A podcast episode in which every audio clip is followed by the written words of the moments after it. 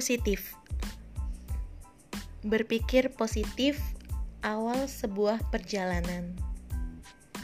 Saat kita memikirkan hal-hal yang tidak menyenangkan, tentunya hal tersebut akan menguras energi kita.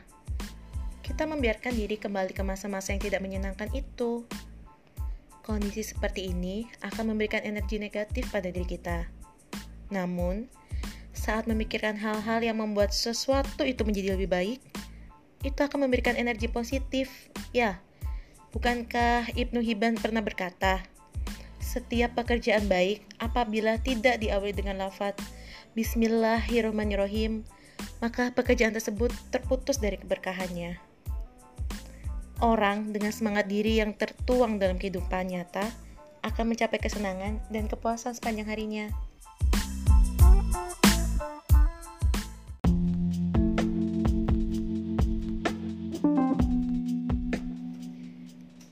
Bantulah diri sendiri untuk merasa lebih baik dengan mengharapkan yang terbaik, sehingga perjalanan hidup kita positif dan dapat diteladani.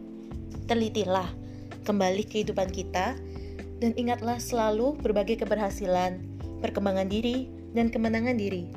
Suatu perjalanan hidup yang positif adalah bukti-bukti nyata dari kemampuan dan kemurahan yang diberikan oleh Tuhan kepada kita. Bukankah sudah menjadi salah satu sifat manusia untuk memusatkan perhatian pada hal-hal yang kurang dari dirinya. Kemudian, bukti-bukti kekurangan tersebut dapat digunakan untuk memprediksi kegagalan selanjutnya. Di sisi lain, kita pastinya juga telah memiliki atau mungkin dikelilingi dengan sosok-sosok teladan yang sangat positif, sehingga kita dapat menjadikannya sandaran yang kuat untuk berpikir lebih baik tentang masa depan. So, cari eksplorasi dan temukanlah sesuatu yang baik di dalam diri maupun di sekitar kita.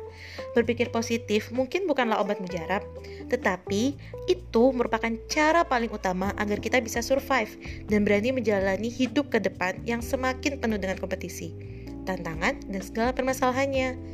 Bayangkan saja, kita cenderung memperoleh sesuatu yang telah kita cari dan juga yang ingin kita dapatkan. Namun, kita juga cenderung terlena sehingga waktu dan kesempatan hilang begitu saja.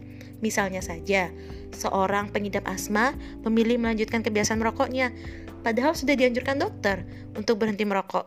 Hmm, semudah itulah kita membiarkan pikiran kita terjerumus pada hal-hal negatif daripada mengolahnya menjadi sesuatu yang lebih baik. Terdapat juga kepercayaan khayal atau tahayul jika seseorang menantikan sesuatu yang buruk datang. Maka hal tersebut mengusir kejadian buruk menjauh dari kita. Jadi, menyadarkan diri kepada Yang Maha Kasih.